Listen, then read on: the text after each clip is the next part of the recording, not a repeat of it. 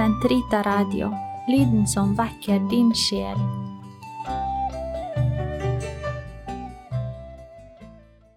Kroppens teologi, en kommentar til pave Johannes Paul 2.s onsdagskatekeser av Eirik Ambrosius Stenhoff.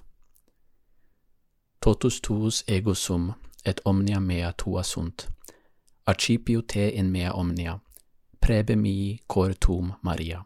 Episode 20 Kjærligheten i Guds plan.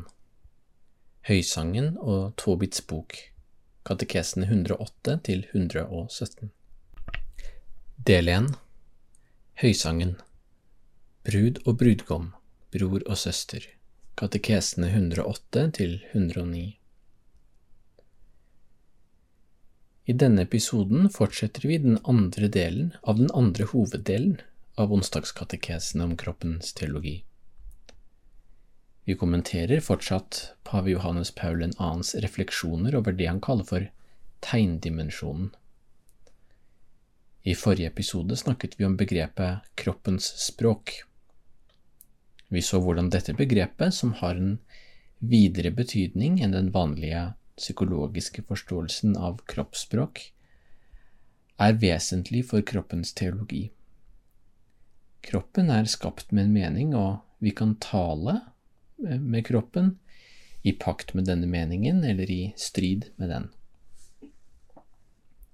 Vi så på hvordan dette skjer i ekteskapets sakrament, som er en videreføring av Guds opprinnelige plan for menneskelig kjærlighet, og samtidig opphøyet av Kristus til å være et tegn på kjærligheten mellom Kristus og kirken. Den bibelske bakgrunnen for dette ser vi i analogien med, mellom Gud og israelsfolket, fremfor alt i profetlitteraturen i Det gamle testamentet.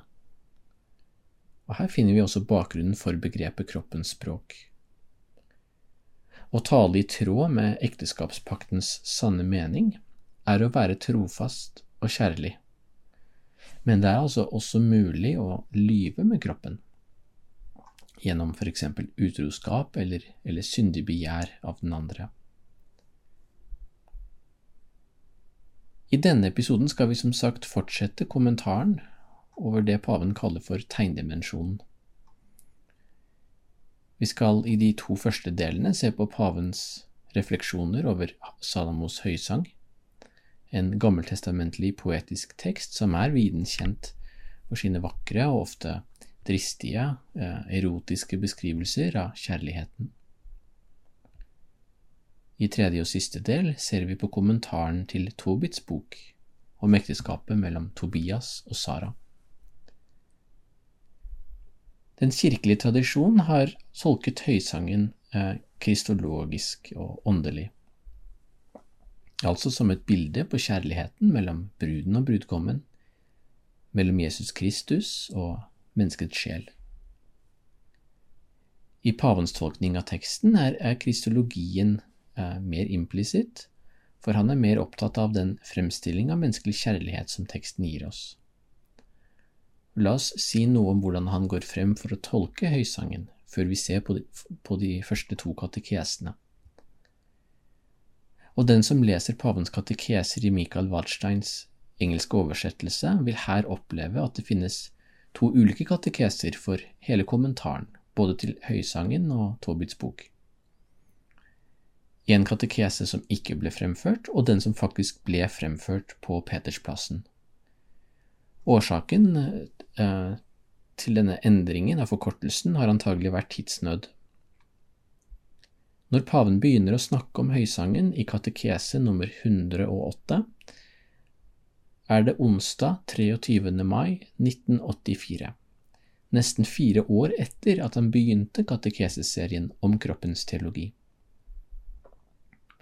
Og denne katekesen kommer over ett år etter der han avsluttet sist, som var den siste om kroppens språk, og den ble fremført 9. februar 1983.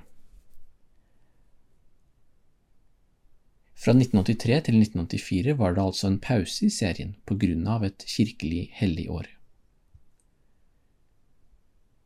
Waldstein har hatt tilgang også på manuskriptene til de katekesene som ikke ble fremført, og de er trykket i venstre kolonne i den engelske utgaven. Jeg skal ta utgangspunkt i katekesene som faktisk ble ble lest for folket, men iblant også vise til de andre. Paven introduserer katekese 108 med å si at han ønsker å avslutte katekeseserien med en refleksjon over humane vite. Men først vil han imidlertid reflektere over Høysangen og Tobits bok, og vi skal merke oss eh, denne fremstillingen av Høysangen og Tobits bok som en slags trinn før refleksjonen over humane vite.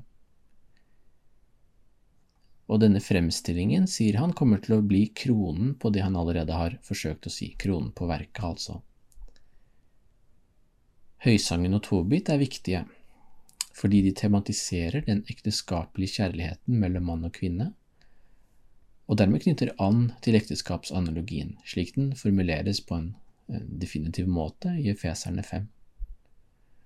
Paven gjør det klart at vi kan ikke skille tolkningen av disse tekstene som en beskrivelse av menneskelig kjærlighet, og som en beskrivelse av guddommelig kjærlighet. Og særlig høysangen er blitt forstått som en beskrivelse av av verdslig kjærlighet. Men den er som sagt også blitt tolket som en mystisk tekst, altså en tekst som formidler den eh, intense kjærligheten mellom eh, Kristus og menneskets sjel. Og kirketradisjonen eh, gir mange eksempler på dette, fra Bernard Clairvaux og helt tilbake til kirkefedrene og Johannes av Korset. Paven gir et par lærde fotnoter om, om dette temaet som det er verdt å gjengi noen deler av.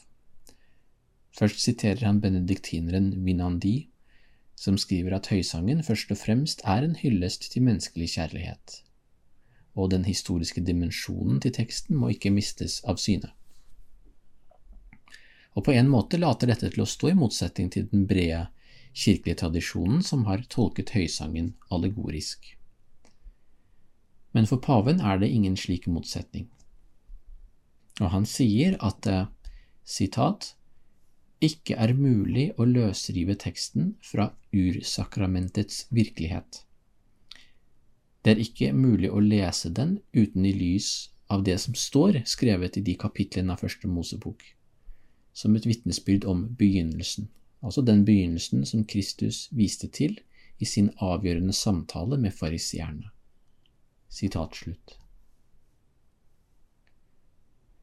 Så akkurat som at skapelsesberetningen må leses i lys av Efeserbrevets analogi mellom ekteskapelig kjærlighet og Kristi kjærlighet i kirken, må vi også lese høysangen i dette lys, det er i alle fall det paven oppfordrer oss til. Og vi kan legge til at høysangen gir et uttrykk ikke for en hvilken som helst kjærlighet, eh, men nettopp den kjærlighet mellom menneskene som Gud har innrettet fra begynnelsen av.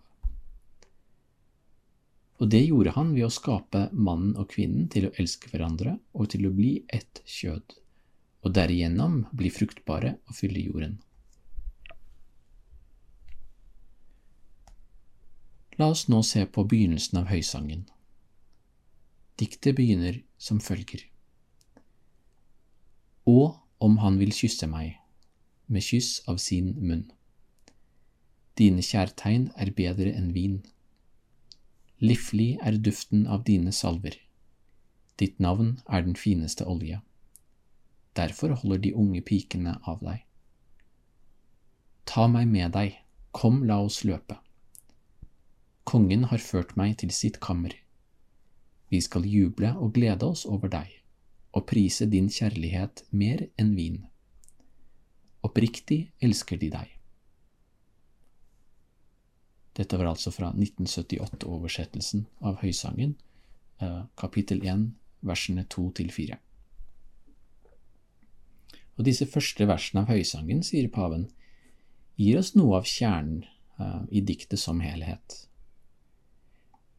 Brudgommen og bruden er ført uh, mot hverandre gjennom det han kaller for kjærlighetens utstråling. Og ordene som de sier, og bevegelsene og gestene, svarer til deres hjerters bevegelse. Og her ser vi på en konkret uh, måte om enn en poetisk formulert, hva som ligger i begrepet kroppens språk. Og paven knytter dette til skapelsesberetningen, som sagt. Kjærligheten mellom mann og kvinne, um, altså i den historiske tid vi lever i, gjentar på en måte den første oppdagelsen Adam og Eva hadde av hverandre. Og det er dette paven har kalt for den opprinnelige erfaring av, av forening. Og foreningen mellom mann og kvinne har ikke bare et innhold, så å si, men en ytre form, som også kommuniserer det innholdet, altså et språk. Paven sier at det første men mennesket uttrykte da kvinnen hadde blitt skapt fra hans side, var undring, eller det han her kaller en fascinasjon. Og den samme fascinasjonen for den andre ser vi her i høysangen. Fascinasjonen mellom mannen og kvinnen er altså forankret nettopp i deres mannlighet og kvinnelighet, sier han videre, som nå er blitt synliggjort for den andre. I begynnelsen så kan vi kalle dette for en opprinnelig nakenhet det at mannen og kvinnen trådte frem for hverandre uten skam. Dermed ser vi også at kjærligheten har med, med, det vakre, eller det skjønne, å gjøre. Den konsentrerer seg, så å si, om det som er synlig. Men den stanser ikke der, nettopp fordi kroppen og det synlige er et, er et tegn, et, et, et sakramentalt tegn, så å si. Så kjærligheten involverer hele personen. Den går fra det synlige til det usynlige.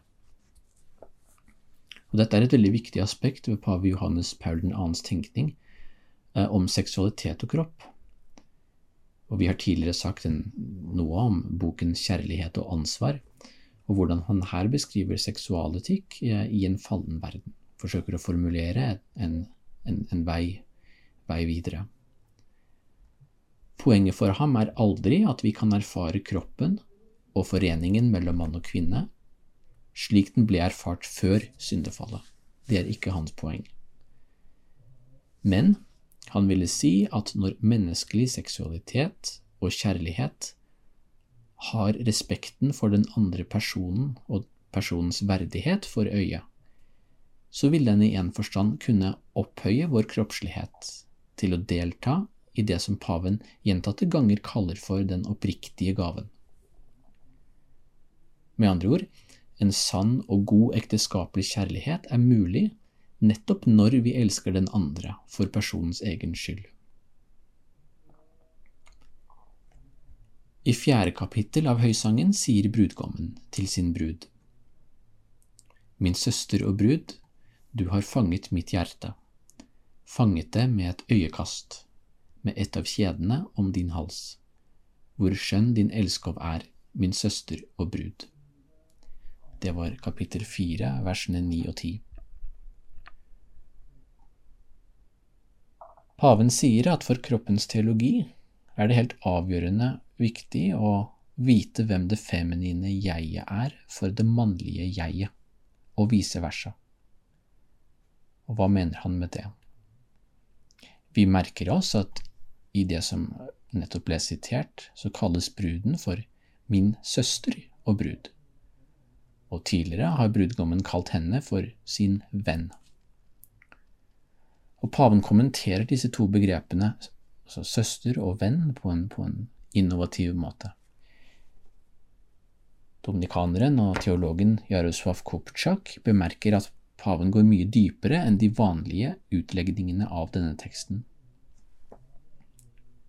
og vanligvis forstås begrepet søster i denne poetiske tradisjonen og i antikk poesi som et uttrykk for den nære emosjonelle forbindelsen mellom mannen og kvinnen.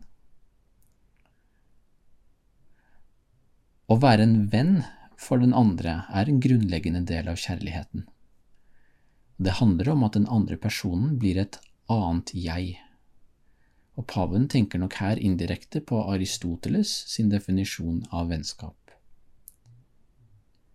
I høysangen har det intime vennskapet mellom bruden og brudgommen dessuten en avgjørende kjønnslig dimensjon, men det begrepet må forstås rett. Bruden er altså en søster for brudgommen. Og hva betyr det? Paven sier at ordet søster betyr at bruden er forenet med brudgommen på en spesifikt kvinnelig måte, eh, med kvinnens originalitet. Og det er en måte som ikke bare har med kroppsligheten å gjøre, altså den ulike måten kvinnen er, eh, er, er sin kropp, og mannen på sin måte. Nei, det handler om selve måten kvinnen er en person å gjøre, og et subjekt bare en kvinne kan være en kvinne for mannen, kan vi kanskje si. Og dermed må vi si at mannen må forstås som en bror i relasjon til kvinnen. Paven sier at citat, søsteren i en forstand hjelper mannen med å definere og forstå seg selv, og blir en slags utfordring for ham som går i denne retning. Sitat slutt. Dette er svært dype og også svært viktige ord i en tid hvor vår forståelse av kjønnsidentitet, farskap, morskap, kroppslighet og seksualitet er mer forvirret enn noensinne. For paven er det av avgjørende betydning at vi modnes inn i vår identitet som mann og kvinne. Og den identiteten er naturligvis både en sosial og biologisk realitet, men kan nettopp ikke reduseres til noen av delene, slik vi gjør i vår tid. Vår kjønnethet er først og fremst en åndelig realitet, uttrykt gjennom kroppen. Og dette er også en viktig implikasjon for ekteskapelig kjærlighet, altså mellom ektemannen og, og hustruen. At mannen og kvinnen i en viktig forstand ikke bare er venner, Eh, men bror og søster for hverandre, før de altså er intime eller seksuelle partnere, betyr jo at faren for objektivisering av den andre blir minimert. Det blir lettere for dem å leve ut den gaven som de er kalt til å leve. I neste del skal vi fortsette pavens kommentar til høysangen. Gloria patri et filio et spiritu i sancto, sicut erat in principio et nunc et semper, et in secula secolorum. Amen.